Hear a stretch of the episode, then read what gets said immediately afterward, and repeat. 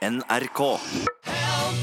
I need somebody help, not just anybody help. You know I need someone help. Vi skal snakke om eh, koma.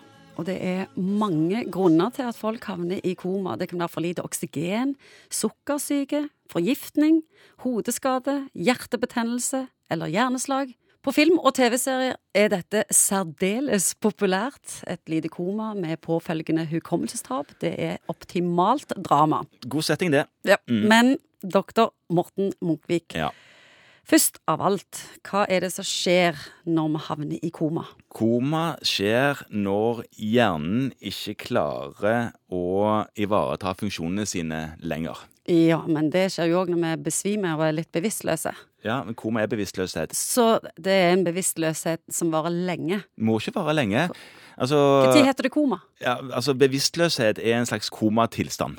Den kan være veldig kort, sånn som for eksempel når typisk stor, staut mann skal ta blodprøver. Så simer de av. Da har de en veldig kort komatilstand. Sant? De åpner ikke øynene sine, de svarer ikke på tiltale, og de er irresponsive til fysisk stimuli. Hva får folk som er i koma med seg? Ingenting. Det er det som er komatilstanden. Ja, men vi har jo sett eh, dokumentarer om folk som har sier at de hørte Ja. ting som ble sagt, og Altså- følte ting. Og... Kroppen har ingen komabryter oppi hodet. Tenk deg en strand. Når man er på det tørre, da er man våken, klar og bevisst, ikke i koma. Og er man ute i vannet, på dypet, så er, har man koma. Det er ikke brådypt, helt brådypt på denne stranden, men nesten.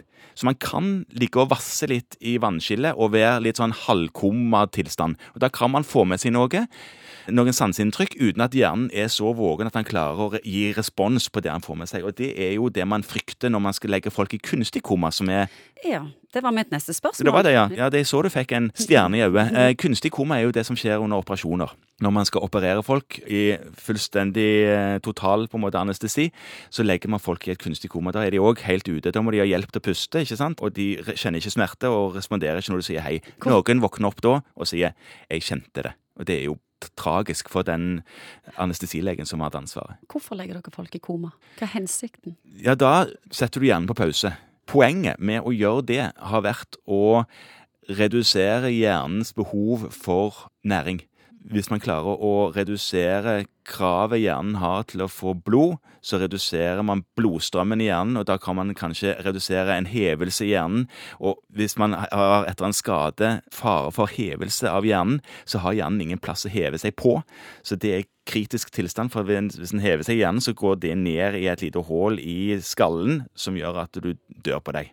Så man ønsker å redusere trykket i hodet så mye som mulig, og det er en av tingene som man kan legge kunstig koma for. Selv om det er litt sånn ikke helt selvsagt at det er der er rett. Hvis noen havner i koma og ikke våkner opp igjen, Ja, hvor lenge skal du vente på dem da?